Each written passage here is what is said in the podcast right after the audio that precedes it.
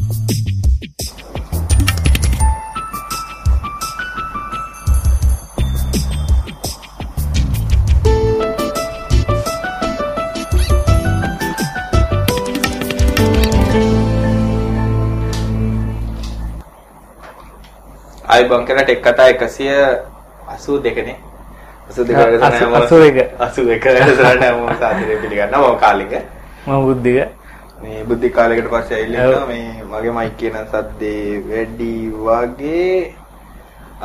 අපි අර astrology podcast එකක් කරනවා නේද? ඒක නිසා මේ AI ගේ කටහඬ වලට තමයි අරන් මයික් සෙට් කරලා තියෙන්නේ. අපි කෑ ගහනවා වගේ. හරිනේ ආ. සද්ද වැඩනම් පොඩ්ඩක් කියන්න මේ ටිප් වෙනවා වගේ තවත් වැඩි පොඩ්ඩන්න ඔව්. අර පොඩ්ඩක් වැඩි. දැන් නොයිස් එකක් එනවා වගේ කොහෙන් හරි. කට්ටියට එහෙම එකක් ඇහෙනවා නම් පොඩ්ඩක් කියන්න නොයිස් එකක් වගේ දෙයක්. මේ බුද්ධික ඉතින් මොනවද මේ ටික උනේ? මොකුත් නැහැ ඉතින් වෙනදා වගේම වැඩ කරගෙන හිටියා මේ හැමදාම වගේ ඉතින් අද තමයි ලෑස්ති වුණේ නේ හවස අද බුද්ධික කරමු කිව්වේ නැත්නම්. අද කියන්නේ මේ පැය කාලයක විතර ඉඳලා තමයි මේ ලෑස්ති වෙලා මේ මෙතන ඔක්කොම ටික හයි කරගෙන මේ වැඩ පටන් ගත්තේ ඔව්. මම හිතන්නේ මේ මගේ මයික් එකේද කොහෙද අවුල දුන්නේ තියෙන මම මයික් එකට පිට කරාම මොකද ඉතර පරක් කරලා සද්දෙකුත් ආවා අර සද්දෙකුත් ආවා. හරි. මලකට කාලේ ඒවා. ප්‍රශ්න වලට යනවාද කතා කරන්න දේවල් තියනවාද මොකද බුද්ධික? කතා කරන්න කිව්ද දන්නේ නැහැ. ඔව් නිවුස් අද දැරුවේ නෑ චම්ලිත් නැහැ චම්ලිට දැන් අසනීපයක් කරලා දැන් ගොඩක් කලින් ඉඳන් මේ චම්ලිත් අය මැසේජ් දෙන්න හැමදාම දානවා ම්ම් වෙනදකට තියෙන බුද්ධික පොඩ්ඩක් කෙට්ටු වෙලා පොඩ්ඩක් ඔව්. කට්ටිය වන්න බුද්ධික අර මේ මොඩ් එකට ඇවිල්ලා වගේ ඒ වුණේ නේ වන්ද ඒකත් අපිට හැමදාම වෙද අතර දැම්බයක් තමයි මේ දවස්වල ඉතින් විශේෂ නිවුස් එකක් කියලා දෙයක්වත් නෑ නේද නිවුස් එක තියෙනවා මම දන්නේ. iOS 7 ගැන කතා කරානේ නෑ. එච්චර විස්තරයක් කියන නැද්ද බුද්ධිකට පොඩි chance එකක් තියෙනවා. මොකද බුද්ධික තත්ත්වේ වන්න ඇතර හොඳයි ඒක. ගොඩක් අය නම් අකමැති. ඔව් නම් හිතෙන්නේ වෙනස් කරලා තියෙන ඒවා ටික හොඳයි කියලා. හොඳයි කියන්නේ මේ. අර අපි කාලයක් ඕක දැකලා දැකලා එපා වෙලානේ හිටියේ ඕක UI එහෙම. මට නම් iOS කියනකොට තව ෆෝන් එකක් ආගුවා තියෙන ඔච්චරමනේ කියන්නේ. අර සාමාන්‍ය UI එකේ change එකක් වුණ නැත්නම් අපිට ඒක තේරෙන්නේ නැහැ වෙනසක් වුණා කියලා. ඔව්. දැන් ඇත්තටම මේ බැලුවාම තියෙනවා නිකන් UI වල පොඩි අර වෙනස් ගතියක් තියෙනවා. මොකද අපි අර කලින් ජේල් බ්‍රේක් කළා. එහෙම එක එක තීම්ස් දාලා එහෙම කරන වැඩ ටික ඉතින් දැන් අරගෙම තියෙනවා.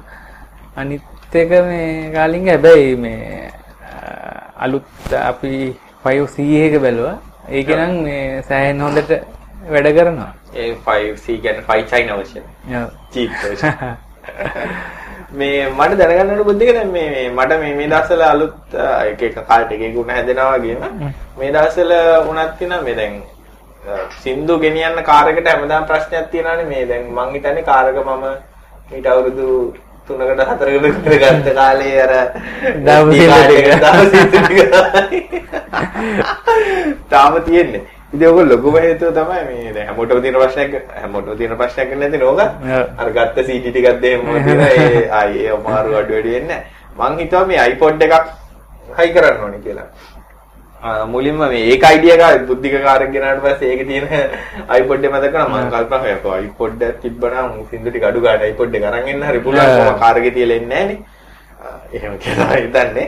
තියලා එන්නේ නැහැ. ඉතින් ගොඩක් අඩ තියෙන ප්‍රශ්නයක් නේද මම ඉස්සලම කරේ බුද්ධික මේ iPad එක තමයි. අද මට ඉතින් ඔච්චරයි කියලා තියෙන මෙච්චරයි. මේක අරගෙන කරපු වැඩේ මේකේ දෙකක් එකෙන් ගැහුවා.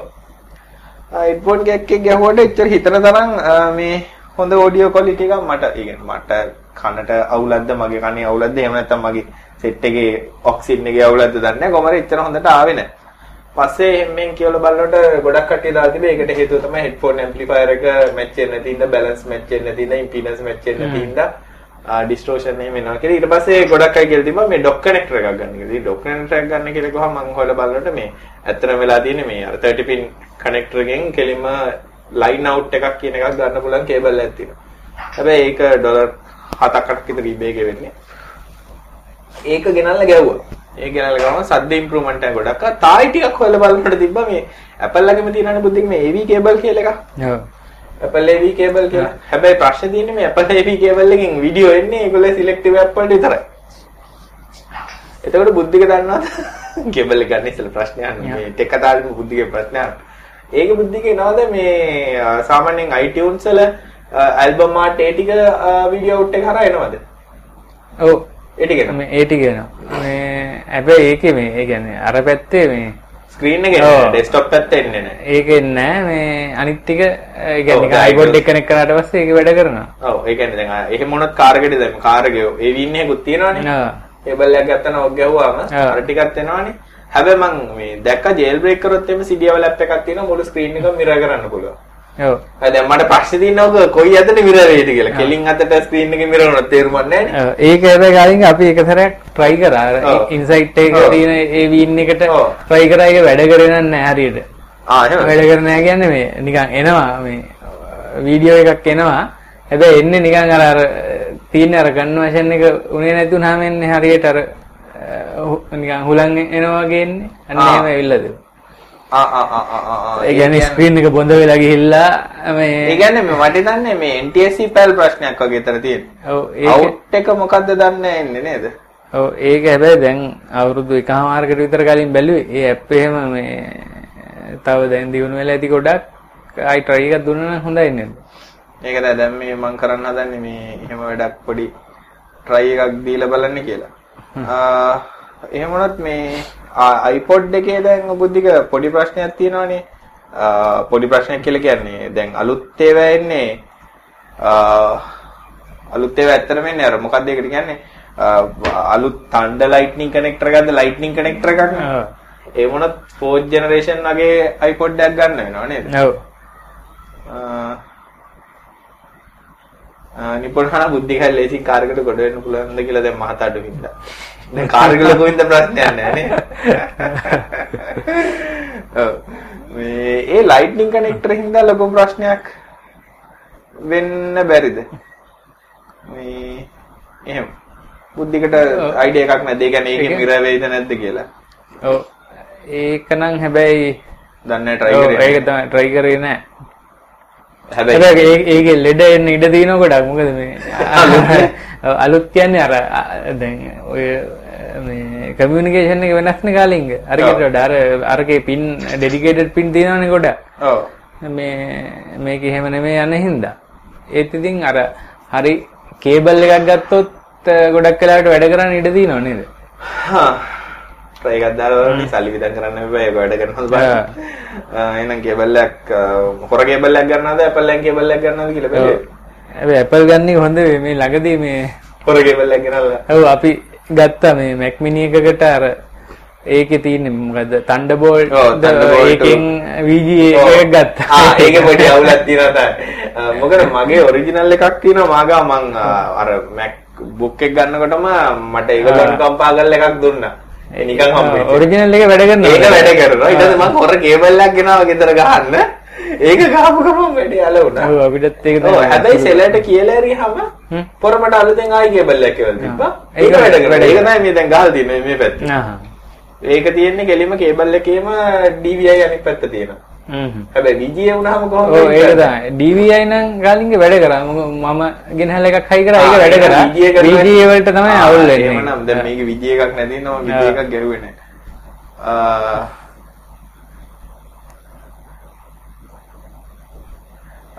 තුසිත කියනවා මේ chat එකේ නිකන් ප්‍රශ්නයක් අදාළ නැති එක US credit card නැතුව Netflix බලන්න ක්‍රමයක් තියනවාද කියලා. US credit card නැතුව නම් ඉතින් Netflix නම් බලන්න බෑ. නමුත් Hulu නම් බලන්න බලන්න මොකද Hulu වලට ක්‍රෙඩිට් කාඩ් එක මස්ට් එකක් නෙමේ ප්ලස් සර්විස් එක ගන්න විතරයි ඕනේ. බොරුවක් දාලා රෙජිස්ටර් වෙන්න පුළුවන් Hulu වලට නම්. හැබැයි Netflix වලට නම් බෑ. හැබැයි Netflix මමත් සල්ලි දීලා අරන් ඒක නැවැත්තුවා මොකද මේ ලංකාවේ යනවා ඊට වඩා අලුත් ෆිල්ම්. ඒක නෑ මම නම් දෙච්ච එකකින් නිසා ඒක වැඩක් නෑ. ප්‍රශ්නකට යමුද බුද්ධික අපි? යමු. ප්‍රශ්න ටික මේ ජම්ලි හදලා ඒවල තියෙනවා ගිය සතියට ඒක ඇත්තට ඔය ජම්නේ මැසේජ් එකකුත් දාලා තිබෙන්න වෙන්නේ ප්‍රශ්න ටික හදලා යන්නම් කියලා ඔක්කොම විස්තරේ කියලා.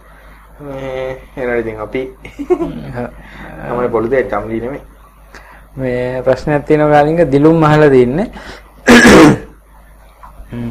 නෑ දිලුම් නේ ලිෂාන් අහලා තින්නේ මේ ජෙනුයින් OS එකක් සහ ප්‍රොඩක්ට් කී එක තියෙන ලැප්ටොප් වල තියෙන රිකවරි පාටිෂන් එක මගින්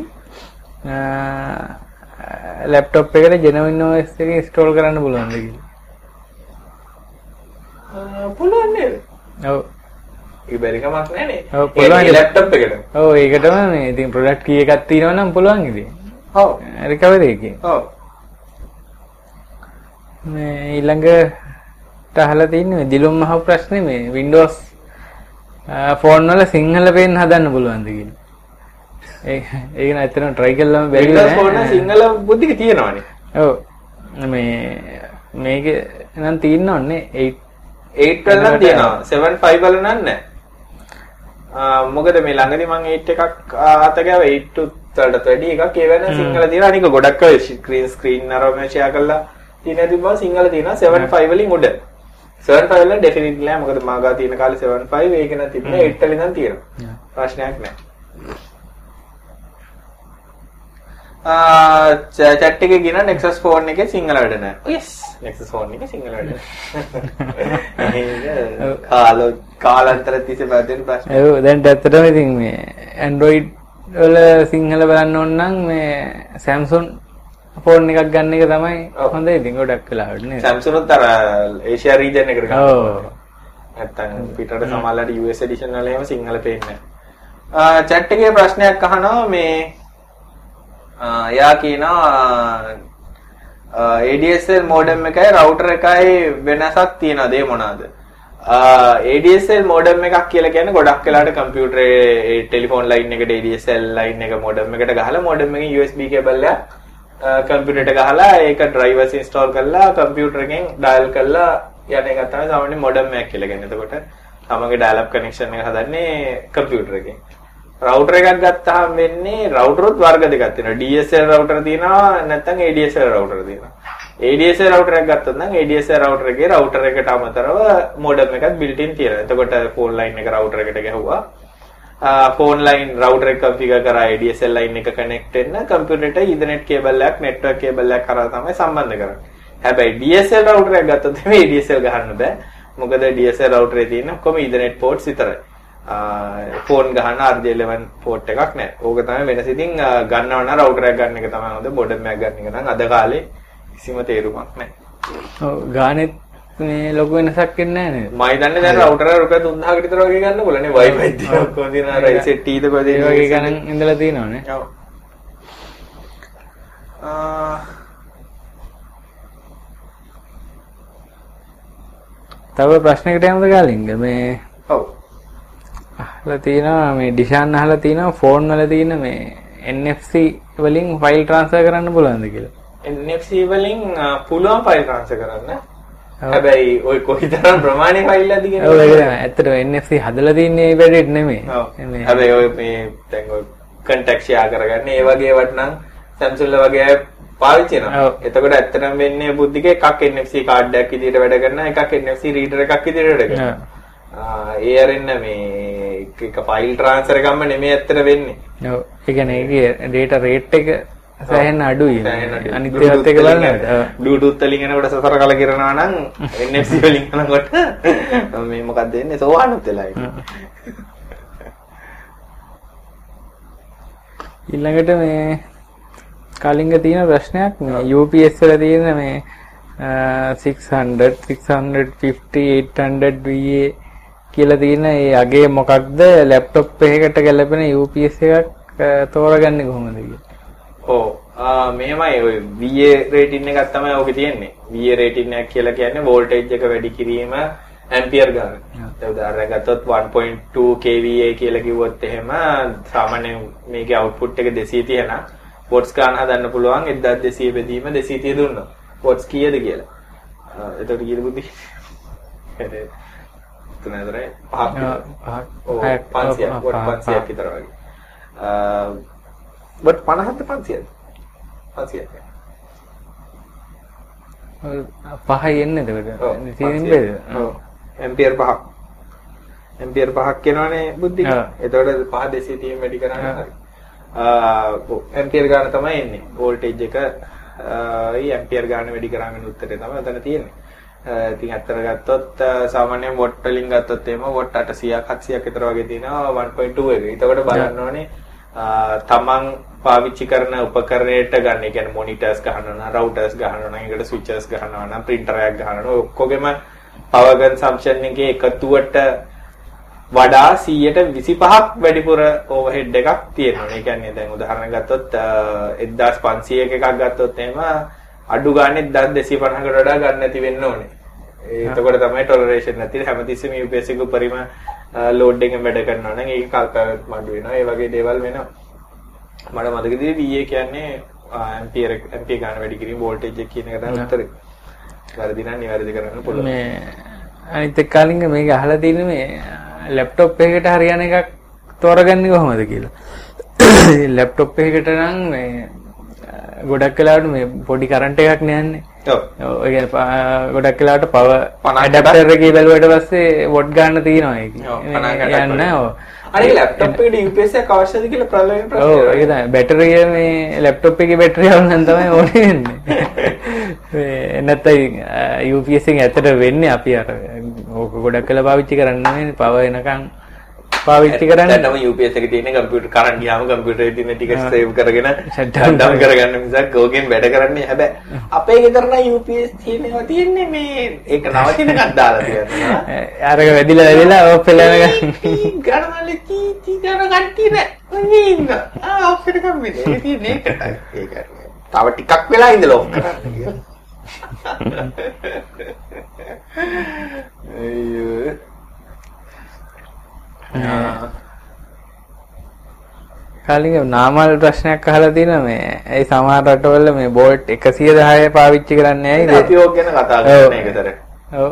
එකතරටත් වැඩි ඒක කතා ඒක නිදානේ කරුණා කරලා පවුගේ වැඩතර 110 කියලා සර්ච් කරන්නේ. 110 කියලා දැක් කරන දැන් දෙදී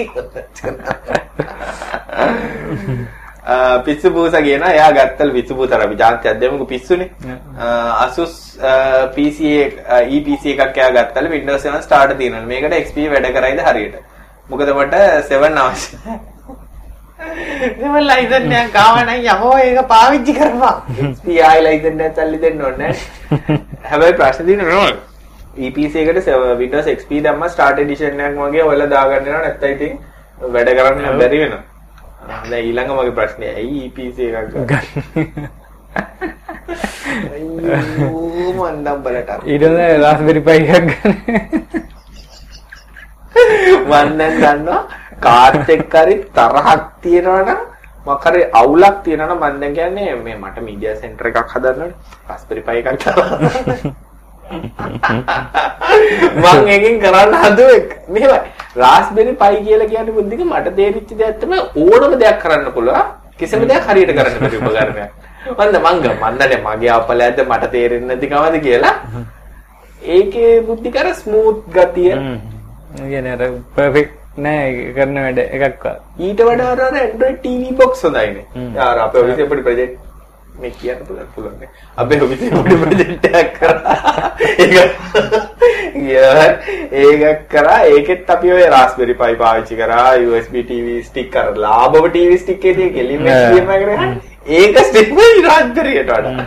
Raspberry කරන්ට් එක නිකන් මෙහෙට මෙහෙට උනත් Raspberry આવුත්. ඒ මට හිතා ගන්න බෑ ඒක මොකද්ද ප්‍රශ්නේ කියලා. මාත් ගොඩාක් කලකින් ආගිව් කරයි මම Raspberry වලින් මෙහෙම සිරා එකක් හදලා තියෙනවා කියලා කිය. මේ මම මේ ළඟදී තායි නොටිස් කරපු දෙයක් තියෙනවා මේක කියන්න ඕනේ හැමෝටම. දැන් ආ මටත් ඔය මීඩියා සෙන්ටර් ප්‍රශ්නේ ගොඩක් තිබ්බනේ. තිබ්බින්ද තමයි නේ යන්න මේ බුද්ධික මට ඔළුවට දාලා පත්තරේ අපිට ටිකක් උස්සන් ආවේ. මම මේ ළඟදීත් අත්දැක්කා අපි නීති විරෝධී මේ වැඩසටහන ඩවුන්ලෝඩ් කරලා බැලුවා. බලනකොට මං එදා කරේ කම්මැලිකමට ඕපන් කරන්නේ USB එකට දාලා TV එකේ ප්ලේයර් එකක් තියෙනවනේ. TV එකට ගහලා ප්ලේ කරා. අර වෙනද පේන වෙනද පේන ක්වලිටිය නෙමෙයි පේන්නේ. මම හිතා මේ ඩවුන්ලෝඩ් කරපේකේ අවුලක්ද කියලා. පස්සේ ආයෙ මං කරපැඩේ ඒක ගලවලා මේ Apple TV එක හරහා දැන් Apple TV එකට යවන්නෙත් අපි Wi-Fi හරහා එහෙම යවලානේ. ඒකේ ක්වලිටි. මම නෝන බුද්ධිකට පෙන්නන එක පැහැදිලි ඕනම මනසෙට මම පේන මම සත්‍යයක්. බැලුවා නේ. අර ඔව්, එක- අපි එකම එක කතා දෙන. ඔව්. ඒක මොකද්ද කියලා හිතා ගන්න බෑ. මාර ප්‍රශ්නයක්. ස්ටීව් ජොබ්ස් වැඩක් කරත් ඉතින් මාක් හරි හරියට කරනවා කියන එක කාටකින් පොඩි මේකක් තියෙනවා නේ බුද්ධික. ඉනාට තියෙන මේකක් තියෙනවා. මේ කලින් දැව ස්ට්‍රීම් කරන ඒවා කතා කරා මතක් වුණේ මේ අර Chromecast එකක් ඔව්. හම්බුණාද මේ බලන්න ඔව් මම ටෙස්ටින් නන්න දැම්මා. ආ මෙහෙමයි? බුද්ධික වැඩේ තියෙන්නේ. හොඳයි. දැන් ප්‍රශ්නේ තියෙන්නේ දැන් අපිට YouTube එකක් Chromecast එක කරා TV එකට යන්න. Chromecast එකක් ඕනේද කියන එක. ලංකාවේ අනිත් ගොඩක් සර්විසස් නැහැනේ බුද්ධික. Netflix. ඒක. Hulu නෑ. YouTube විතරයි බලන්න තියෙන්නේ. YouTube විතරයි බලන්න තියෙන්නේ. ඒකයි අර මේ Chrome මේ browser screen එක. browser screen එක ඉතින් share කරන්න. පුළුවන්. ඒකෙත් හැබැයි මම වීඩියෝ රන් කරලා බැලුවේ නැහැ හරියට බුද්ධික. ඔව්. ඒලා ඒක හැබැයි ගාලින්ග දැන් ඒක තාම එක්ස්පෙරිමෙන්ටල්. තියෙන්නේ නේ. හැබැයි ඒකට ගොඩක් කට්ටියක් අහුවෙලා තියෙනවා. දැන් ලංකාවට නැති වුණාට පිටරට නම් ගොඩක් providersලා ඒකට කැමැත්ත දීලා තියෙනවා. මම හිතන්නේ ඒක මේ ටිකක් හිට වෙයි ඒ වගේ වැඩවලට. මොකද මේ මේ අදත් මේ කෙනෙක් ඇවිල්ලා කතා කරා මේ ඒගොල්ලන්ගේ තියෙන රික්වයර්මන්ට් එකක් තමයි මේ මීටින් රූම් එකේ Apple TV එකක් තියෙනවා කනෙක්ට් කරලා. මේ ඒගොල්ලන්ට මීටින් එකේ ඉන්න ටග් ගාලා ස්ක්‍රීන් එක දාගන්න අරකට. හැබැයි Apple වලට මොකද screen sharing එකෙන් පුළුවන් නේද? ඔව් ඒක Apple පුළුවන් Windows වලට අර මොකද්ද එයා parrot කියලා එකෙන් තමයි කරන්නේ. ඒක හැබැයි license දැන්. අප- TV එකේ එකක් තියෙනවා. ඒගොල්ලන්ට හොඳ උදාහරණයක් දැන් Samsung TV එකක් ගන්න කියලා smart එක. ඕන එකක screen එක mirror කර app එකක් තියෙනවා ඒකට. app ඒ කියන්නේ දැන් මේකේ default app එක default android වැඩ කරනවා. ඒකේ screen mirroring enable කරා මේකේ. කෙලින්ම අහනවා මේකට connect වෙන්නද කියලා. ආගිව ගමන් මේකේ screen එක එකට යනවා. අර ගලන්ට වැඩි ඕන මේ Windows මේ ලැප්ටොප් ලැප්ටොප් Mac ඔය දෙක තමයි මේ නිකන් මීටින් එකට ආවම කවුරු හරි ඕක දාගන්න. හැබැයි ඔයගේ තියෙන බුද්ධික ප්‍රොජෙක්ටර් වලට wifi හරහා වැඩ කරනවා. ඔව්. ඒ ගැජට් එක VGA port එකට ගැහුවාම wireless ආ, යනවා. ප්‍රොජෙක්ට් එකට. ඒගොල්ලෝ යාර මුලින්ම මුලින්ම try කරන්නේ ඒක තමයි. මුලින්ම try කරන්නේ අර එයා තරට් කියලා එකක් තියෙනවා. ඒකට crack හොයනවා. ඊට පස්සේ අපි කිව්වා ඊට ලේසි මේ Chromecast එක try කරලා බලන්න කියලා. හරි.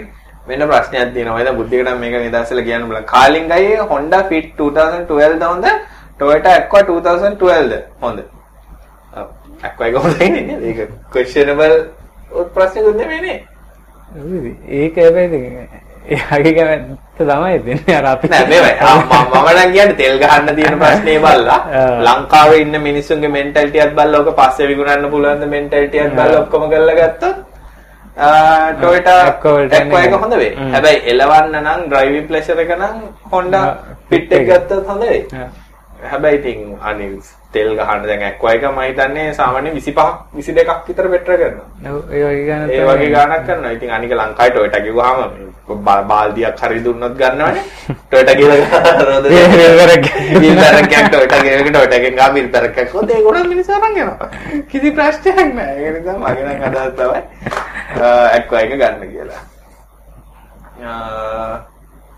right. VGA to HDMI video only male to male cable එක Toshiba VGA HDMI සම්බන්ධ කරලා වැඩ කරයිද? set කරන්න ක්‍රමයක් තියෙනවද? අව මම හිතන්නේ ඉහේ කෙස් ගන්නට මගේ මේ කොණ්ඩේ පැහිලා තියෙන්නේ. මම දන්නේ ඇනලොග් ඩිජිටල් කන්වර්ෂන් ගැන කතා කරනවා. මම හිතන්නේ මේ ළඟදී දැක්ක මේ පැත්තේ ඉදිච්ච කස් ටිකක් තියෙනවා. මෙහෙමයි. සමහර ලැප්ටොප් වල තියෙනවා VGA HDMI කියලා ඒ ලැප්ටොප් වලට පුළුවන් HDMI පැත්තට HDMI කේබල් එකක් ගහලා අනිත් පැත්තේ VGA පෝට් එකක් තියෙන කේබල් එකක් කම්පියුටර් එකට ගැහුවොත් වැඩ කරනවා. නමුත් ඒක බලන්න වෙනවා මේ ලැප්ටොප් එකේ ඒ ෆීචර් එක තියෙනවද කියලා. අනික ඒ හැම කේබල් එකක්ම හැම ලැප්ටොප් එකට හරියන්නේ නැහැ ඒගොල්ලන්ගේ ප්‍රොප්‍රයිටරි ප්‍රශ්න තියෙන නිසා. ඒක කලින් හැබැයි මේ ඔය එන්නේ පොඩ්ඩක් ගණන් වැඩි ඒවට තමයි ගණන් වැඩි ලාභය වටේනේ නිකන් HDMI එක විතරයි. විතරයි. ඒක නිසා HDMI VGA කරන්න යනට වඩා ලාභ වෙයි HDMI TV එකක් ගන්න එක. VGA to HD ආ මේක VGA to HDMI. කොහොමද වැඩ කරන්නේ? මම මේ ප්‍රශ්නේ පැහැදිලිව දැක්කේ නෑ නවකයා.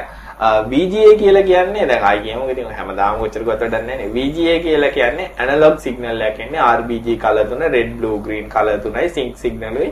ඒ වෙනම ඇනලොග් ආකාරයට එන්නේ. ඇනලොග් ආකාරයට එනවා කිව්වොත් වෙනස්කම් මිලියන ගාණක් තියෙන පුළුවන් ෆ්‍රීකවන්සි එක. ඩිජිටල් කිය HDMI කියලා කියන්නේ ඩිජිටල්. ඩිජිටල් වල එන්නේ ස්ටේටස් දෙක. එක ඔන්ද එක ඔෆ්ද. හයිද ලෝද කියන විතරයි. මම හිතන්නේ කාලයක් තිබ්බ ඔය තර්ඩ් ලෙවල් ලොජික් එකක් කියන කතාව මතකද බුද්ධිය? ඒකයි වයිම ගියානේ. ඔන් ලෝ විතරයි. එතකොට වයර් එකකට හැකියාවක් නැහැ. ඔය ඇනලොග් සිග්නල් එක ඩිජිටල් බවට හරවන්න. දැන් මට කියන්න එපා පිටකොටුවේ කේබල් තියෙනවා eBay එකේ කේබල් තියෙනවා නේ කේබල්. එහෙම කේබල් තියෙනවා. ඒ කේබල් තියෙන්නේ ස්පෙસિෆික් ඩිවයිසස් හදලා තියෙනවා. ඒ විදිහට වැඩ කරන්න පුළුවන්. නමුත් ඔය ඇප්ලිකේෂන් එකේදී ඔය විදිහට පාවිච්චි කරන්න බෑ. ඉතින් ඒකට හොඳම වැඩේ තමයි TV එකේ බලන්න VGA ඉන්න එකක් තියෙනවාද කියලා. නැත්තම් කරන්න දින එකම ක්‍රමය තමයි VGA to HDMI converter box එකක් ගන්න එක. ඒ බොක්ස් එකක් ගන්න රුපියල් 6000ක් විතර යනවා ඒ කන්වර්ෂන් කොස්ට් එක. ඉතින් තේරුමක් තියනවද කියලා ඔයා තීරණය කරන්න නම් දෙයක් කරන එක. එක VGA නැත්තම් අර ලේසින් හොයාගන්න පුළුවන් මේ කොම්පොනන්ට් හරි කොම්පොසිට් තියෙන එක. එතකොට VGA to composite නම් තියෙනවනේ. ඔව් to composite පුළුවන්. පුළුවන්. එතකොට composite කියලා කියන්නේ නිල් පාටයි කොළ පාටයි රතු පාටයි කේබල් තුනක් ටීවී එක පිටිපස්සට ගහන්න පුළුවන් නම් හරි. ආ. ප්‍රශ්නෙකට යමුනේ. ප්‍රශ්නයක් නදී කහලා තියෙනවා මේ ෂෙයා පොයින්ට් කියන්නේ මොකක්ද කියලා. මේ ඒක ගැන ටිකක් විස්තර කරන්න.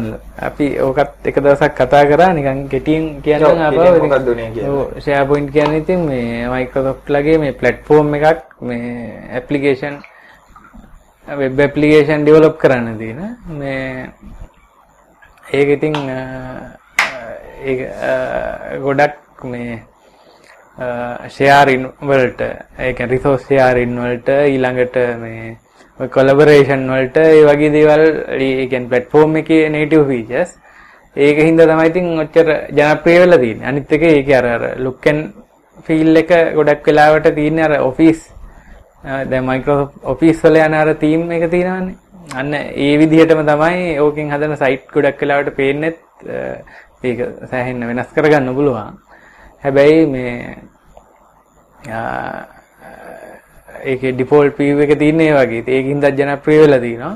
මේ ඇත්තටම SharePoint වලින් කරන්නේ ඒක තමයි. ඒ කියන්නේ SharePoint කියන platform එකේදී ඒ වගේ මේ කස්ටමයිස් කරලා ඒක CMS එකක් විදිහට වැඩ කරන්න පුළුවන්. ඔය resource sharing වලට, collaboration වලට ඒ හැම දෙයකටම application customize කරලා හදාගන්න පුළුවන්. මම හිතන්නේ මේ දැනට මේ මම හිතන්නේ දැනට මේ මම හිතන්නේ කොලම්බියා යුනිවර්සිටි එක හරි කොහොමද මොබිටෙල් එම් ලර්නින් එහෙම කරන ප්ලැට්ෆෝම් පව හදලා තියන්නේ මේ උඩ නේ?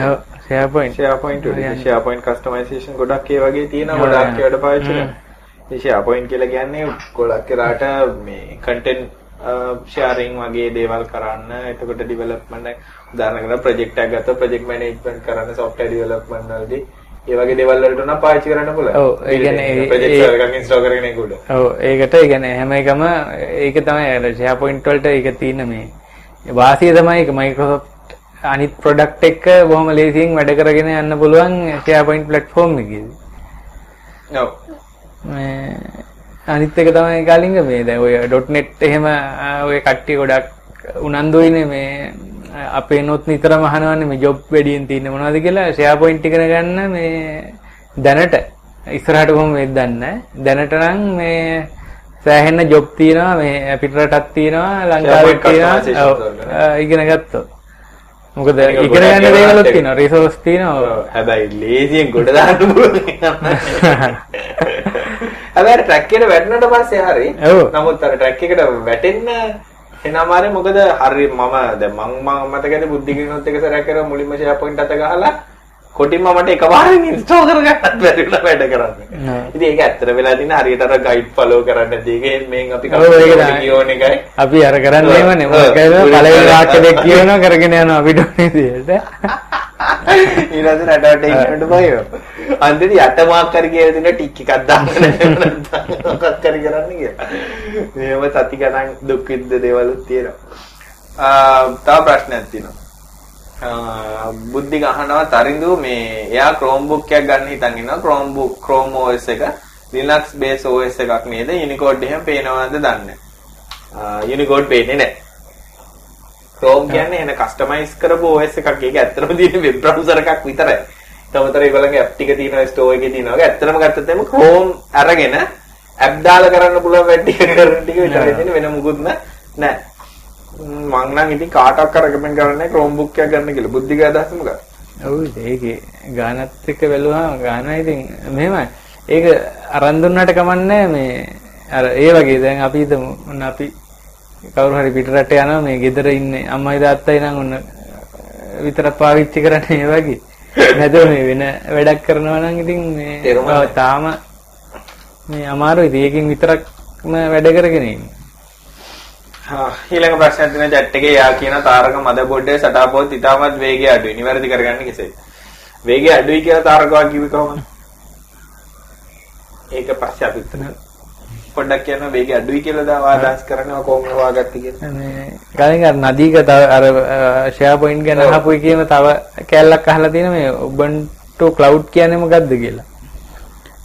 Ubuntu cloud කියන්නේ ඇත්තටම මේ Ubuntu cloud platform එකක්. ඒක අර මේ o- uh, open stack uh, compatible cloud platform එකක්. ඒක private cloud එකක් විදියට හදාගන්නත් අපිට අරගෙන කියන්නේ අපේ තියෙන hardware උඩ cloud platform එකක් හදාගන්න පුළුවන් virtualize කරලා. ඔව්.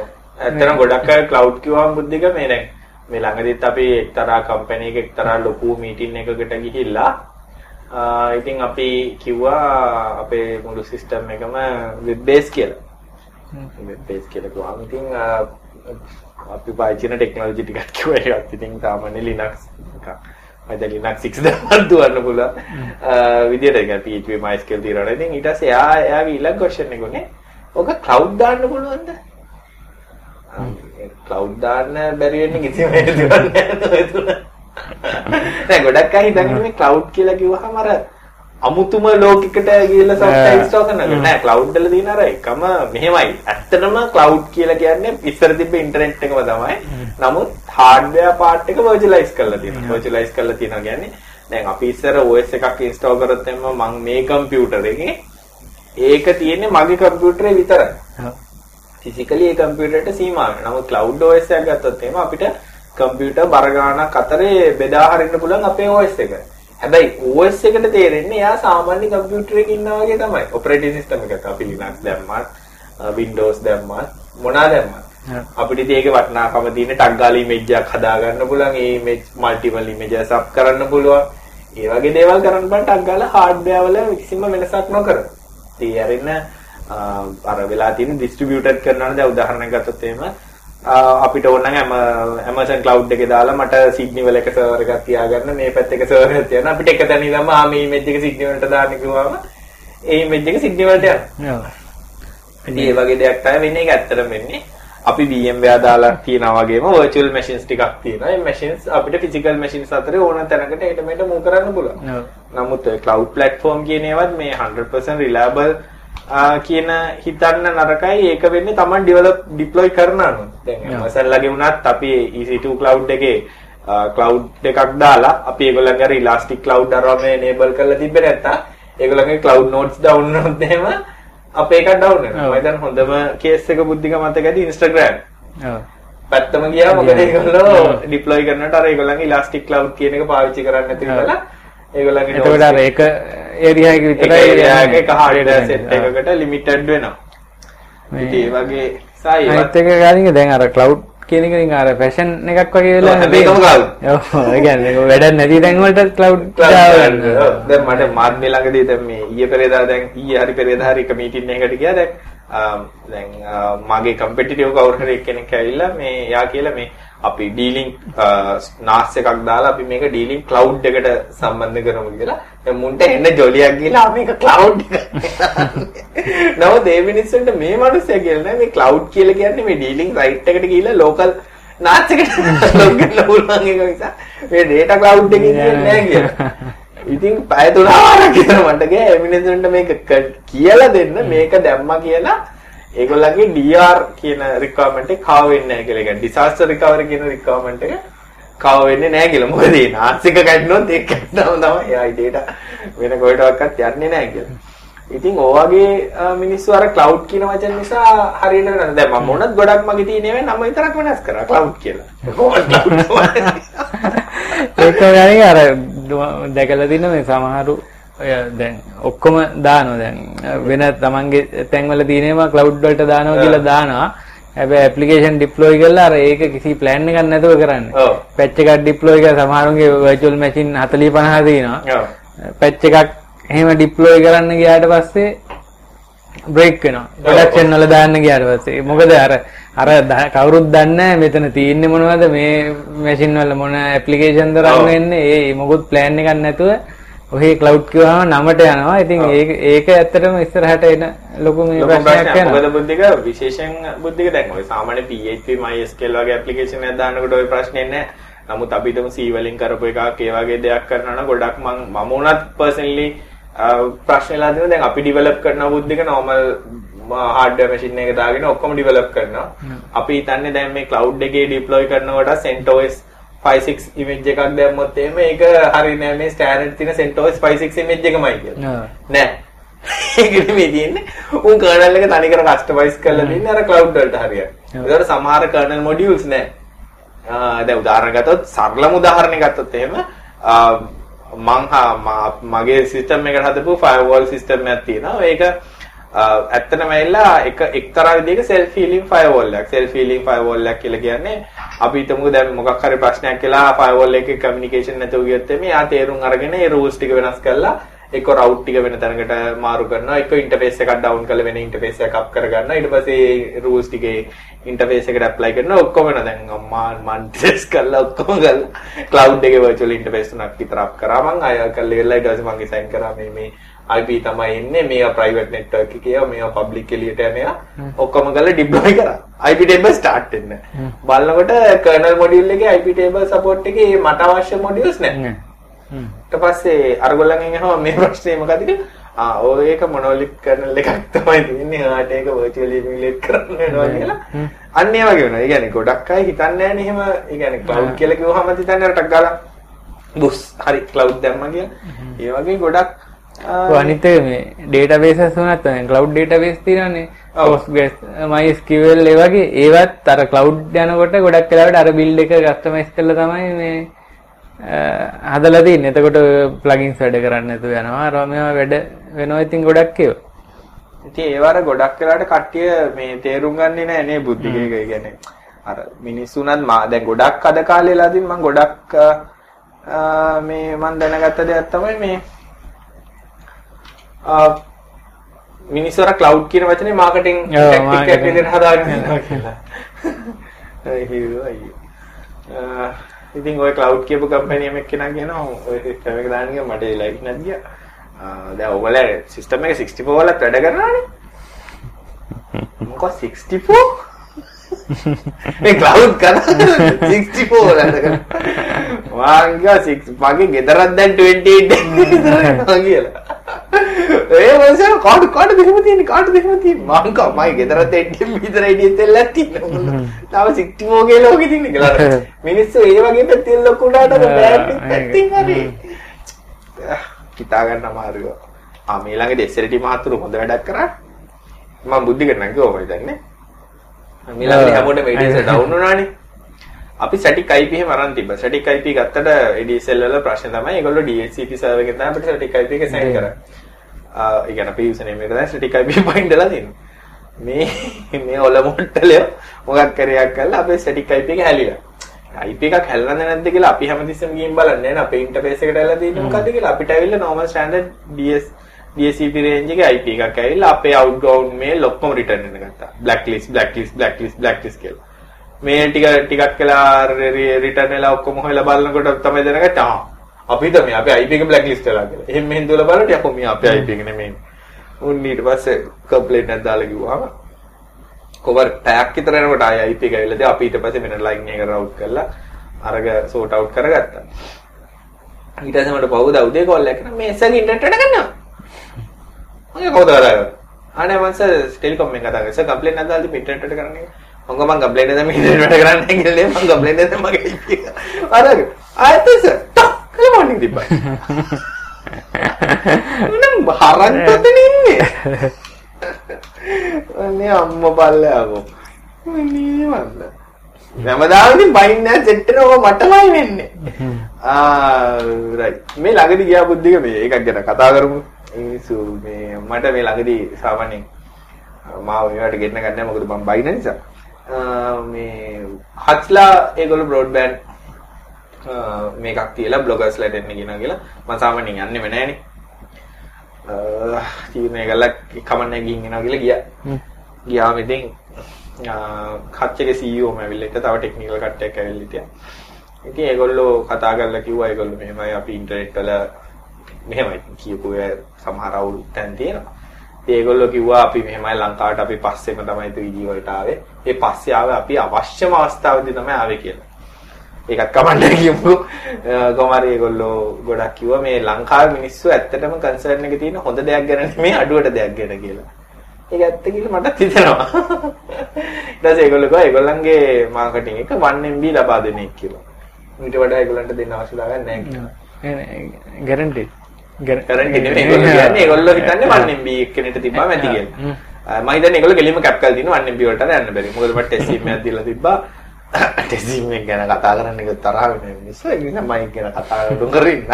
ඒක සම්බන්ධයෙන් මම මේල් එකක් ඒගොල්ලන්ට ඇහුවා. කස්ටමර් සර්විස් කරන මම මේල් දැම්මා. ආ ඉතින් කොහොම හරි ටෙක්නිකල් ඇත් එක කතා කරා. ඉතින් මගෙත් එක මතවාද ඕවා මේ ඇති වුණා. ඒවා කෙසේ වෙතත්. හැබැයි මම ඒ ගෙනල්ලා පාවිච්චි කරපු දවස් ටිකට බුද්ධික 1MB වලට කිට් වෙන්න ආවා. දෙවුණා.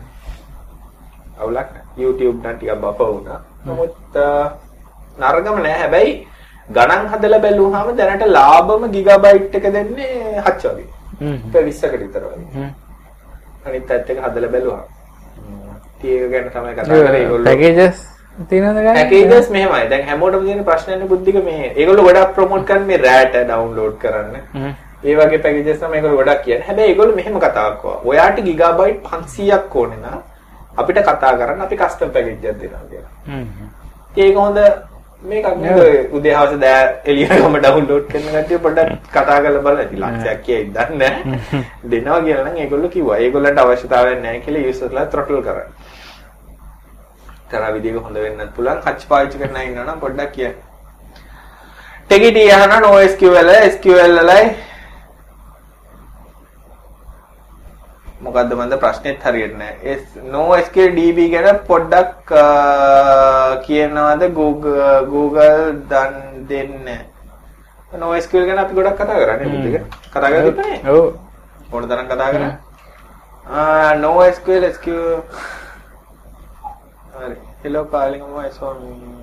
හරි. ප්‍රශ්නයක් නේ බුද්ධික. ඔව් මේ ප්‍රශ්නේ කාලින්ග මේ ඒත් නදී කහලා තියෙන මේ 800 මෙගාහර්ට්ස් මේ බෑන්ඩ් එකේ තියෙන ෆෝන් TRC එකට බාර දෙන්න කියලා තියෙනවද කියලා. අතන කොට ගන්න සින්නන්නේ. දුරතන මෙග 800 නම් දුරතන අත්තඩම් කොට ගන්න. නෑ කතා අපි දරුවත්. කවුද කියන්නේ? හැබැයි කියන්නත් බෑ ටිකක්. එහෙම උත් කරලා තියෙනද මේ කරලා තියෙන දේවල් තියෙන බං. ගන්න. මේ ප්‍රවීන් අහලා තියෙනවා මේ උසස් මට්ටමක printer එකක් කියන්න පුළුවන්ද කියලා මොකක්ද කියලා ඊළඟට ෆොටෝකොපි print ෆැක්ස් ස්කෑන් වගේ ඔක්කොම තියන්නත් ඕනලු ඒ වගේ එකක් ගන්න පුළුවන් අඩුම ගාන කීයක් වගේ වේද හොඳ මොඩල් එකක් කියන්න පුළුවන්ද කියලා අහලා තියෙනවා. හ්ම්. ලේස එකක් තමයි නේ බුද්ධි. ඔව්. හැබැයි මේ ගාන අඩුවට තියෙන ඔය ස්කෑන් ඔක්කොමත් එක්ක තියෙනවා මේ බබල් ජෙට් ඒවා නේ. 38000කට තියෙනවා කැනල් ලගේ එකක් කොපි 800ක් ගන්න පුළුවන් කොපි එකක් 34000 ගන්න. ඒක තමයි මම දැකපුවෙන් දැනට ලාභම. ඒක ලේසර්. ඒක බබල් ජෙට්. Bubble jet. ඒක තමයි. ලේසර් එකක් ඔය වගේ එකක් කෙනෙකුට මම හිතන්නේ 50න් එහා පැත්ත යනවානේ. ඒකයි මේ අර මේ තව හැබැයි මම මේ ගෙදර අන්දින බුද්ධික මේ මේ මේ තියෙන්නේ මේ බුද්ධිකින්න දැන පේන්න තියෙන්නේ මේ ඒක නම් රුපියල් 6000යි. ඩෙල් printer එකක් ඒකෙත් ඔක්කොම ටික තියෙනවා. ඩීල් එකකින් ගත්ත ගානේ. ඩීල් එකකට ගත්තා. හැබැයි මං ඉන්නේ පොඩි ඩීල් එක රවුමෙන් යන්න දෙයක් හොයාගත්තා. දැන් ඩීල් එකට ගත්තාම කාට්‍රිජ් ගන්න යනවා ඩීල් එකේ ගන්න. හ්ම් හ්ම්. කාට්‍රිජ් එච්චරට ගන්න. මං කරපැඩේ තමයි බුද්ධික මේ කෙලින්ම Amazon අරා ගෙන්න ගත්ත කාට්‍රිජ් 6 හතරක් ගෙන්න ගත්තා. හතරටම ගියමට රුපියල් 3000. මේ ප්‍රශ්නයක් නෑ. හැබැයි ඉතින් ඒ print out එකක cost එක කලර් එකක cost එක රුපියල් 60කට සමානයි. 60. 60. හ්ම්. 60 කියන හොඳට වැඩි. 80ක් දීලා කමියුනිකේෂන් එක ගන්න ලයිට් බිල් ඔක්කොම ඉතුරුයි.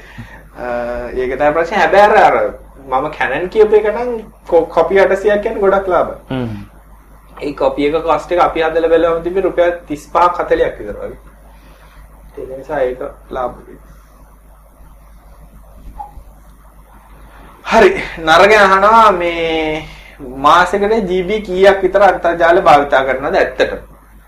ම්, අපේ ගෙදර දැනට ඉන්ටර්නෙට් කනෙක්ෂන්ස් පර්මනන්ට් දෙකක් තියෙනවා. එකක් ADSL ADSL එකක්. ඒකත් ඊට පස්සේ dialog 4G කනෙක්ෂන් එකක්. ඊට අමතරව මගේ ෆෝන් එකට 8GB තියෙනවා.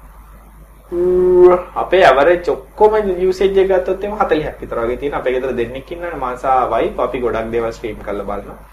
හැබැයි ටොරන්ට් නම් ඩවුන්ලෝඩ් කරන්නේ නැහැ ගොඩක්. ගොඩක් කියලා කියන්නේ එකම ටොරන්ට් කරන එකම වැඩසටහන තමයි Big Bang Theory එරෙන්න වෙන කිසි දෙයක් ටොරන්ට් කරන්නේ නැහැ මම. අපේ භාර්යාව ගැන නම් මම කිසිම දෙයක් නැහැ කිසි හැකියාවක් තියෙන කෙනෙක් නෙවෙයි. එයා ගැන නම් මම කිසිම වගකීමක් කියන්නේ නැහැ පොලිසිය ගාලා අල්ලන්න අල්ලගන්න. යා නම් මේ ෆිල්ම් බා. මම නම් ඒ වගේ අපරාධ කරන්නේ මම නම් ෆිල්ම් එකක් කාම ෆිල්ම් වල සල්ලි දීලා බලනවා. ඉතින් ගේ ගෙදර ගෑණියවත් හදන්න බැරි එක මම ඕල් පිරිමිස්සද ඒක වැඩි වෙලා ප්‍රශ්න ඊළඟ ප්‍රශ්නේ මොනේ යම්. ඊළඟට මේ අශෙන් අහලා තියෙනවා මේ මෙහෙම මේ PC එකට මේ ෆෑන් එකක් සිස්ටම් යුනිට් එකට ෆෑන් එකක් ගන්න ගියාම මේ කඩෙක් මුදලාලි කියනවලු මේ කම්පියුටර් එකට දූවිලි යනවා කියලා ෆෑන් එකක් දැම්මා. ඒක ඇත්තද කියලා?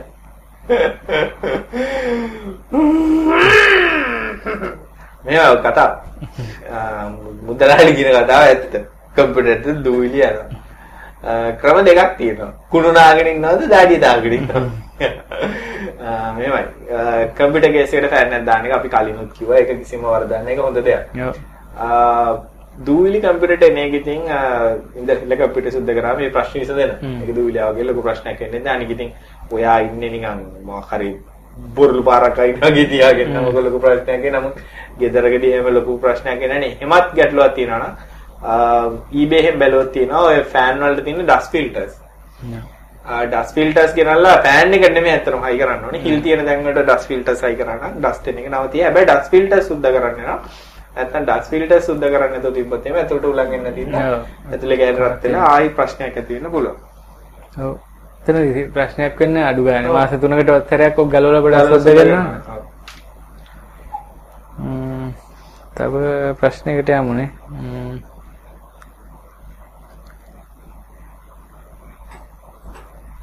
නමක් නැති කෙනෙක් අහනවා මේ ඉතින් හැමදාම හැමෝටම තියෙන ජාතික ප්‍රශ්නයක්. සම්පත් වෙබ් කාඩ් එකකින් මගින් ඇක්ටිවේට් කරපු PayPal account එකකට ඩෙස්ක් වලින් තල්ලි ගන්න පුළුවන්. ලංකාවට මුදල් ලබා ගැනීම නැහැ. ලංකාවට හැකි මුදල් ලැබීමට පමණයි. අයියෝ. හරි අර මේ ගන්නවා නම් ඔඩෙස් කළ පයනිය කාඩ් එක ගන්න ඒකෙන් සල්ලි ගන්න ඉවරයි. අර සෙන්ට්‍රල් බැංක් එකකින් මේ PayPal දෙනවා කියලා එකට වැඩ කරනවා කියලා පහුගිය දවස්වල මම තාම රනිල් නෑ. වික්‍රමසිංහගේ මේ Facebook profile එකේ තියෙන 10000ගේ පඩි වැඩි කරනවා කියලා. ඕවා ඉත්තාත කරනවානේ අනේ ආපේ පිටිච්ච. මේවා ඉතින් හිතුනාම දේවල් කරනවා දැන් කායික පාටම 1000 cc දකද බයිසිකල් ගේන්න පුළුවන් කරේ. හ්ම්. ඉතින් කියන්න බෑ දැන් ආරංචියට ඉන්න මන්න එකම සතුටුදායක ආරංචිය මේ වෙනකන් ආපු එක තමයි මේ මාර්ගවල තියෙන වේග සීමාවල් වැඩි කරනවා කියන එක. ඒක ඇත්තටම මම හිතන්නේ මෙහ මම කියන්නේ 70 කියන එක සාමාන්‍යයෙන් ඔන්න ජස්ටිෆයි කරහයි කමක් නැහැ කියන. 50 දෙයිනේ මට ඇස්ලේටරේට කකුල තියන්නත් නිකන් බෑ වගේ 50 කියන්නේ. මට තේරෙන්නේ නැහැ ඒක මොකක් ඒක මොකද්ද ප්‍රශ්නේ කියලා. මම නම් දකින්නේ 50 නම් මදි කියලා. බුද්ධි. ඒක ඊට වඩා ගාලින් ඒක අර දැන් අර සිටි ලිමිට් වල 50 කියලා නේ මම නියමෙටම ඔය 50 දැක්කේ බුද්ධික. නුවර ලියනකොට අර මිහිම මිහිම වංගු තියෙන. ඔව්. ඒක 70ට ගියයි. මම ඩ්‍රිෆ්ටිං කරන්න පුළුවන් නම් මම 70ට යනවා වේ ඇත්තටම. ඒ යන්න බෑ වලවල් ඉන්න. ඒ පාරවල් හදලා නේ. දැන් නම් ඩ්‍රිෆ්ටිං කරන්න පුළුවන් වගේ. වචන කියන්න අරගෙන යන්නේ. ඔව් සිටි ලිමිට් කියලා ඉතින් අර ටවුන් තමයි. ඒ වුණාට ඉතින් අර ප- පා- ඒ කියන්නේ වැඩි මිනිස්සුත් නැති වාහනත් නැති එහෙම ටවුන් තියෙනවානේ. ඒවත් 50 ඇත්තටම මිනිස්සුන්ට කහිරෙන් පාර පයින්න පුරුදු කරා නම් මිනිස්සු ඇත්තටම කහිරෙන් පාර පයින්නවා නම් ඔය ගොඩක් ප්‍රශ්න සහ අනතුරු සහ ගොඩක් දේවල් විසඳන ඊළඟට ත්‍රී වීලර් වලට වමෙන් පමණයි ගමන් කරන්න පුළුවන් කියලා නීතියක් දානවා නම් ඔය ගොඩක් ප්‍රශ්න කරයි. සහ බයිසිකල් වලට. බයිසිකල් යන පාර මැද්දේ තියෙන ලයින් එක උඩනේ. මම දන්නේ ඇයි කියලා. ඒ කියන්නේ සාමාන්‍යයෙන් මට- මමත් කාර් එකේ ගොඩක් වෙලාට යන්නේ වම් පැත්තෙන්. මොකද වම් පැත්තෙන් අස්සෙන් දාගෙන ඕල්ටෙක් කරගෙන ගොඩක් වෙලාට යන්න ලේසි. මොකද හැමෝම යන්නේ දකුණු පැත්තේ.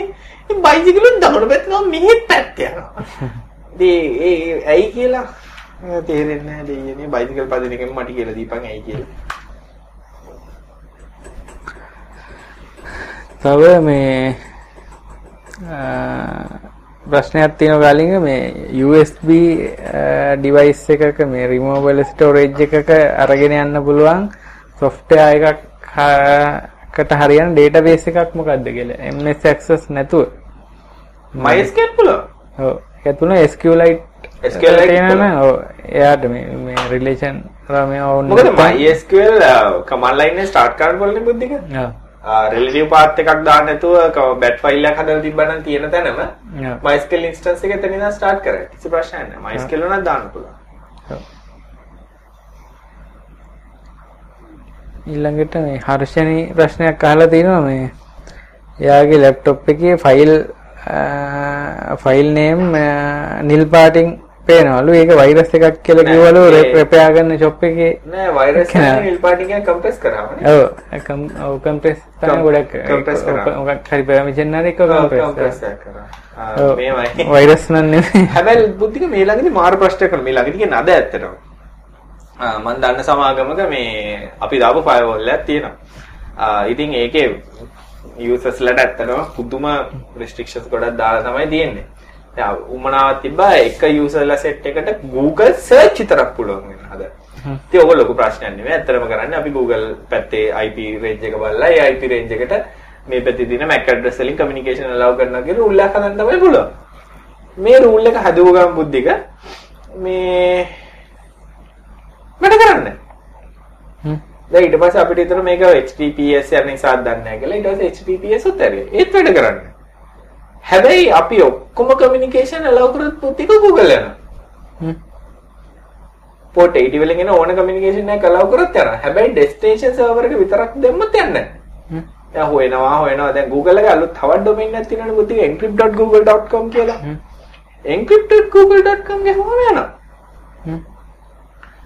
අපි හොයනවා හොයනවා මොකද්ද මේ ප්‍රශ්නේ කියලා.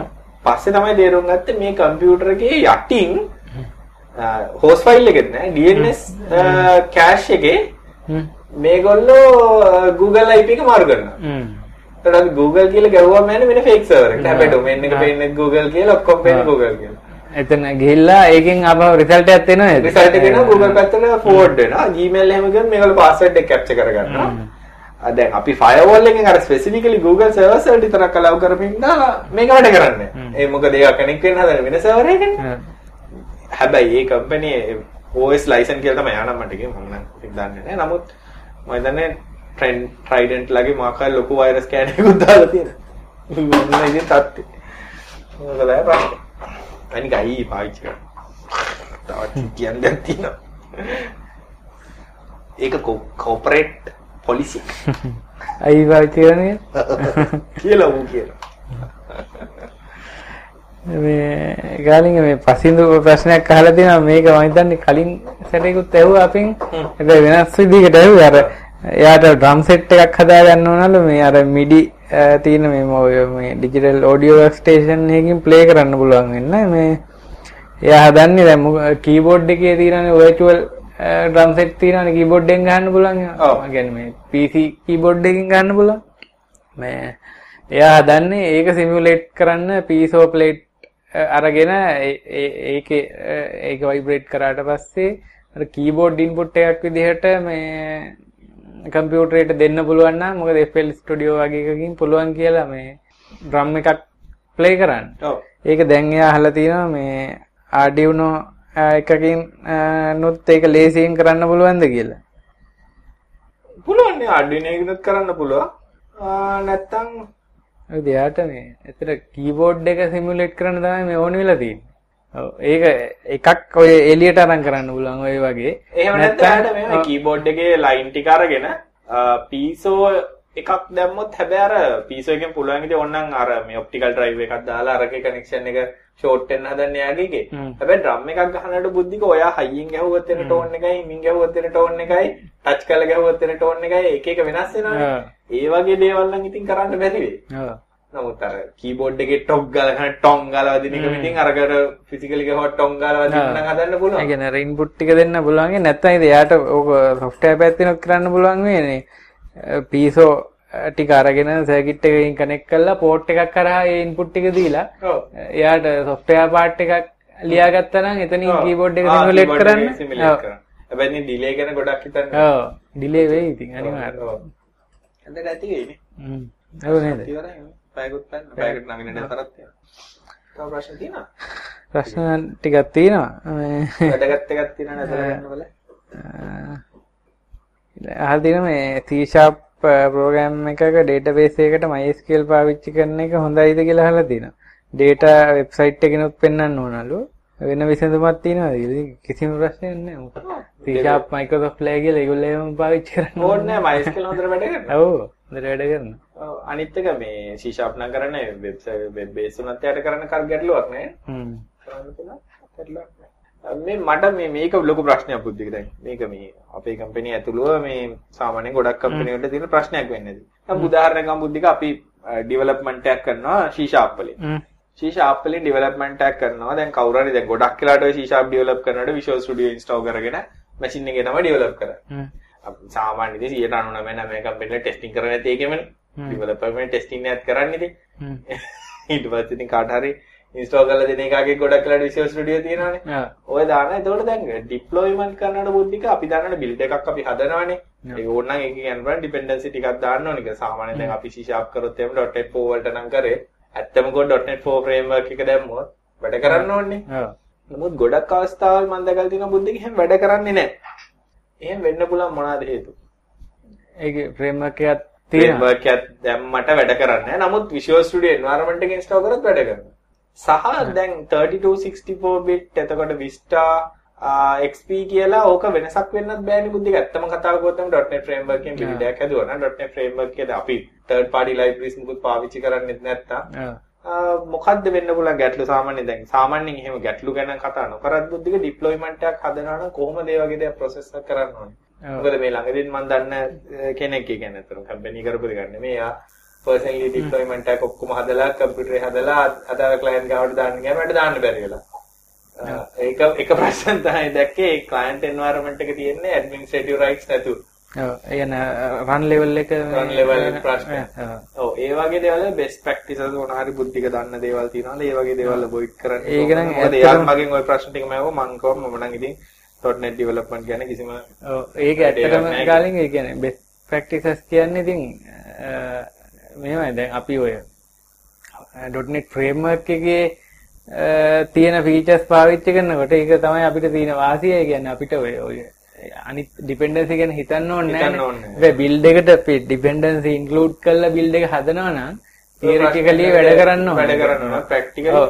මම දැන් ගොඩක් ඔය ප්‍රශ්න ඔය ක්‍රැක් කරන OS දානකොට ඒ වගේ ගැටලු. ඒක ඉතින් අර දැන් ඕක අර cloud platform වලට වගේ ගියාමත් ඕක වෙනවා සමහර තැන්වල තියෙනවානේ අර ඒ කියන්නේ අපිට එතට dedicated servers නෙමෙයි application application. විතරක් run කරන්න තියෙනවා. ඒ වේදී අර ප්‍රශ්නේ එනවා මොකද ඔය එක. එක component වලට ඕන. දැන් අපි දැන් socket open කරන්න ඕන කියලා application rights එක. එතකොට administrative rights නැත්තම් application එක run වෙන්නේ වෙන run level එකක නම් ප්‍රශ්නයක් වෙනවා. මොකද development environment එකේදී ඔය ඔක්කොම ටික තියෙනවනේ. ඒකින්ද ඒකේ test කරනකොට ඉතින් හොඳම වැඩේ තමයි මේ ඒ වගේ ප්‍රොඩක්ෂන් ප්ලැට්ෆෝම් එකක් තියෙනවා නම් ඒ සමානම අර රිසෝස් අඩු වුණාට කමන්නේ නැහැ. හැබැයි අර බේසික් කොම්පොනන්ට් එකම විදිහේ තියෙන ස්ටේජින් ප්ලැට්ෆෝම් එකක් තියාගන්න එක. මොකද අපි ඩෙවලොප්මන්ට් ඉවර වුණාට පස්සේ ස්ටේජින් එකට ඩිප්ලොයි කරලා බලලා හරිනම් තමයි ප්‍රොඩක්ෂන් එකට. මූව් කරන්න වෙන්නේ. මේ දැන් හැබැයි කෙරෙන්නේ නැහැ සාමාන්‍යයෙන් ඔය ලොකු ඒ කියන්නේ ලොකු රිස්ක් එකක් තියෙනවා නම් විතරක් තමයි ඔක කරන්නේ. හැමෝම කරන්නේ ඉතින් client ගාව තමයි testing කරන්නේ. ඔව් ඔක්කොම දාලා මේ ප්‍රොඩක්ෂන් දාන්න ගියපු ගමන් දාලා දැන් හිතෙනවා දැන් ඔන්න හරි විනාඩි 5 මේක ඩිප්ලොයි කරන්න යන්නේ දැන් වැඩ කරයි කියලා. හැබැයි දැම්මට පස්සේ පරණ එකක් නැහැ මොකුත් නැහැ. කවදාක වැඩ කරන්නේ නැහැ. ආ, ඕක තමයි ප්‍රශ්නේ. chat එකේ ප්‍රශ්නයක් අහනවා කා- කාලින් ගයි Nokia Lumia ෆෝන් වල hardware හොඳයිනේ Samsung ෆෝන් වලට වැඩියෙන් touch එකම Nokia එකේ responsive නේද? ආ touch එක responsive කියන කතාව නම් මම දන්නේ නැහැ. හැබැයි Nokia Lumia ෆෝන් වල build quality දැක්කාම නම් Samsung එකක් එක බලනකොට පුද්ගලික මතය නම් ෆෝන් එක ගොඩක් හොඳට හදලා තියෙනවා කියලා මගේ හැඟීම නම් තේරලා තියෙන අතර ගත්තා. ඒ දැන්න ෆීලින් එක Lumia ෆෝන් වල. නමුත් ඉතින් අද කාලේ හાર્ඩ්වෙයාර් කියලා කියන්නේ ඔක අවුරුදු 5ක් පවතින අවශ්‍යතාවයක් නැහැ නේද? දෙකක්. තුනක්. අගේ තුනක් කියන්නේ තුපරිනේ දැන් ෆෝන් කාලයක් ඇතුළත ගත්ත මොරිස් මයිඩරයක් වගේ වෙලා.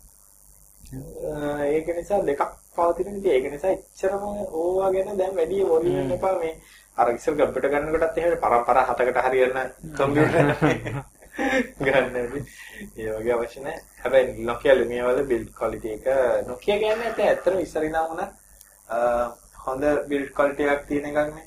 ඔව්. ඒ කියන්නේ එන ඩියුරබල් නේ. ඔව්. මේ තව කලින් එක ප්‍රශ්නයක් තියෙනවා මේ විමල රත්න ආමඳුරෝ කියලා මේ මේ ස්වාමීන් වහන්සේ කෙනෙක් අහලා තියෙන ප්‍රශ්නයක් මේ කම්පියුටර් දෙකක් තියෙනවලු තැන් දෙකක කියලා දිනව තියෙන්නේ ඒක කොච්චර දුරද කියලා කියලා නැහැ මේ එකකට ටෙලිකොම් එකකින් ඉන්ටර්නෙට් තියනවලු මේ දැන් මේ දෙක නෙට්වර්ක් ඒකේ මොඩම් එකල්ලු තියෙන්නේ ටෙලිෆෝන් තියනවලු තැන් දෙකටම මේ හැබැයි ඉන්ටර්නෙට් තියෙන එක තැනකට විතරයිලු ඒක ඉන්ටර්නෙට් කනෙක්ෂන් එක අනිත් එකේ පාවිච්චි කරන්න ලින්ක් කරන්නේ කොහොමද අ, කියලා අ, අහලා තියෙනවා. එකම ප්‍රශ්නේ තමයි අර දුර ගැන කියලා නැති එක. කොච්චර මම දැන් ස්වාමීන් වහන්සේ මට කෝල් කරා. මම දැන් ඒ කෙනා විය යුතුයි. උත්තරේ නම් තියෙන ඉතින් මම හිතන්නේ ඒගොල්ලන් උඩ යටයි ආවාසිකේ තැන් එක තමයි ඉතින් ඒක රවුටර් එකකුත් එක තැනක තියෙනවා. ඉතින් මං කව ලාභම ලේසිම පාසුම ක්‍රමේ Wi-Fi හයි කරගන්න කියලා ළඟපාත පේන හරි එක වගේ න. නැත්තම් ඉතින් කේබල් එකක් ඇද ගන්න කියලා කේබල් එක අදින එක ලාභත් වෙයි කියලා රිලයබල්ත් වෙයි කියලා. මොකද කේබල් වගේ වැඩ කරනවානේ. කවුරු හරි කපලා කටලා මොන හරි කරේ නැත්නම් ඔව් ඒ බිලියන් දෙයක් අතර නැත්තම් හොඳම දේ තමයි ඉතින් ඒක ඇද ගන්න පුළුවන්. ඔව්. මගේ නම් ඉතින් හැමතිස්සෙම මගේ ප්ලස් පොයින්ට් එක නම් තියෙන්නේ කේබල් එක Wi-Fi දෙක කියලා. මොකද අපේ ගෙදර නම් මම Wi-Fi වලට තැන දෙන්නේම නැහැ. මේ අපේ නෝනට නම් පෙන්නන්න බෑ. Wi-Fi ඇත්තටම මම දැන් ඒක මගේත් පාප කර්මයක්. මොකද මට හම්බ වෙන හැම රවුටර් එකමත් Wi-Fi එන charter. ආ දැන් අලුත් තව එකක් හොයලා බලලා දැන් මම බැලුවේ TV එකටත් TV එක විතරයි අතන. දැන් TV එක Apple TV එක විතරයි. ඒ කියන්නේ Apple TV එක TV එක. විතරයි Wi-Fi දැනට එන්නේ ෆෝන්. ඉතින් අපි ඉඳලා හිටලා කනෙක්ට් වෙනවා. ආ ඒ අර ඉතින් Wi-Fi ලොකුවට අවශ්‍ය නැහැ. ඉතින් laptop එක පොඩ්ඩක් ඉස්සරහට අරන් ඒක පාවිච්චි කරන්න. ආ ඒකත් දැන් වයර් එක TV එකත් වයර් එකක් කරනවාද කියලා කල්පනා කර කර ඉදිත් මතයි ඊළඟ හතියට හම්බ වෙන්නේ බුද්ධි ඔව්. ඊළඟ හතිය එනවනේ එනවා. ආ ඊළඟ ඊළඟ සතිය තමයි ෂුවර් නේ පොයක් පොයේ. නෑ පොයේ පොයේ අපි නෑ. දෙක සතියට අපි නෑ රජී වැඩ වගේ තමයි අපි ගාන එහෙනම් අපේ අලුත් පොඩ්කාස්ට් එකක් දැන් යනවා. මොකද්ද ඒක? තරුලන්තේද? ඇස්ට්‍රොලන්තේ. ඇස්ට්‍රොලන්තේ. තරුලන්තේ. ගානෝ මටද? ඇස්ලන්තේ කියලා මේ යන් ඇස්ට්‍රොනොමිස් ඇසෝසියේෂන් එකේ මල්ලිලා ටිකක් එක්ක හොයලා කරන්නේ මල්ලිලා නේ පුතාලා, පුතාලා. පුතාලා ටිකක් සෙට් වෙලා තමයි කරන්නේ. ඉතින් ඒ අයගේ එක හෙට රෙකෝඩින් එනවා. එතකොට ආයි සඳා වගේ යනකොට ආයි අලුත් එපිසෝඩ් එකක් අහන්න බලන්න. ඉතින් ඇස්ට්‍රොනොමි ගැන දැනගන්න ආසයි ඉන්නවනම් Sky LK ඉස්සර පොඩ්කාස්ට් එක අනුරාධක එකේ මැව්වනම් ඒක නැති එක ගැන දුක නම් ඒකේ අඩුපාඩු පුරවන්න මේ පොඩ්කාස්ට් එකට පුළුවන් වෙයි කියලා අපි හිතනවා. දැනට ඉතින් අපි ඒගොල්ලන්ට උදව්වක් වශයෙන් ටෙක් කතා ෆීඩ් එක කරා ටෙක් කතා කරා දාන අතර බලමු ඉදිරියේදී ඒගොල්ලන්ට වෙනම පොඩ්කාස්ට් එකක් විදිහට එළියට දාන්න. ඉතින් ඔයගේ ආපු එක මම දැන් කාලයක් තිස්සේ try කරපු එකක් හරි ගියා කියලා මට හිතෙනවා. අපි ඉතින් ගොඩක් කල් try කරන්නේ මේ වෙන වෙන ෆීල්ඩ් එකේ වෙන ෆීල්ඩ් එකේ පොඩ්කාස්ට් එකක් කරවන්න. ආ ඒකේ මම මූණ දාන්නේ නැහැ. ඒක අර ආම්බේ සෙට් උනෙත් ඒ ආ සෙට් වෙනවා. බලහත්කාරයෙන් නැගලා බලහත්කාරයෙන් සෙට් කරගත්තේ. ආ ඊට අමතරව හෙට යනවා අපේ හાર્ඩ්වෙයාර් හැන්ගවුට් එක. හෙට රෑ 9ට 8ට සොරි 9ට ගොත රූමට ගහන්න. හෙට රෑටට යනවා මේ හાર્ඩ්වෙයාර් හැන්ගවුට් එක. ඒකට සම්බන්ධ වෙන්න ඕලා. ඒක නම් Google Hangout වල තමයි ඔඩියෝ විදියටත් ගොඩක් වෙලාවට දායි. ඉතින් ඊළඟ සතියේට හොඳට අහන්න කරන්න ගොඩක් දේවල් සෙට් වෙනවා. ඉතින් ඔය යට තියෙන ලයික් බටන් ෂෙයා බටන් ඔක්කොම බටන් ටික ඔබලා තියෙන්නේ මොකද ඉතින් බලු කුක්කෝ දැක්කාම ලයික් කරන්න පුළුවන් නම් කපුටු කාක්කෝ දැක්කාම ලයික් කරන්න පුළුවන් මේකට ලයික් කරන්න එහෙනම් අපි ගිහිල්ලා එන්න ඔබට සුබ සතියක් සුබ රාත්‍රියක් සුබ පොය දවස් tí thì kriitikoi, niin. Kaalan, kaalan.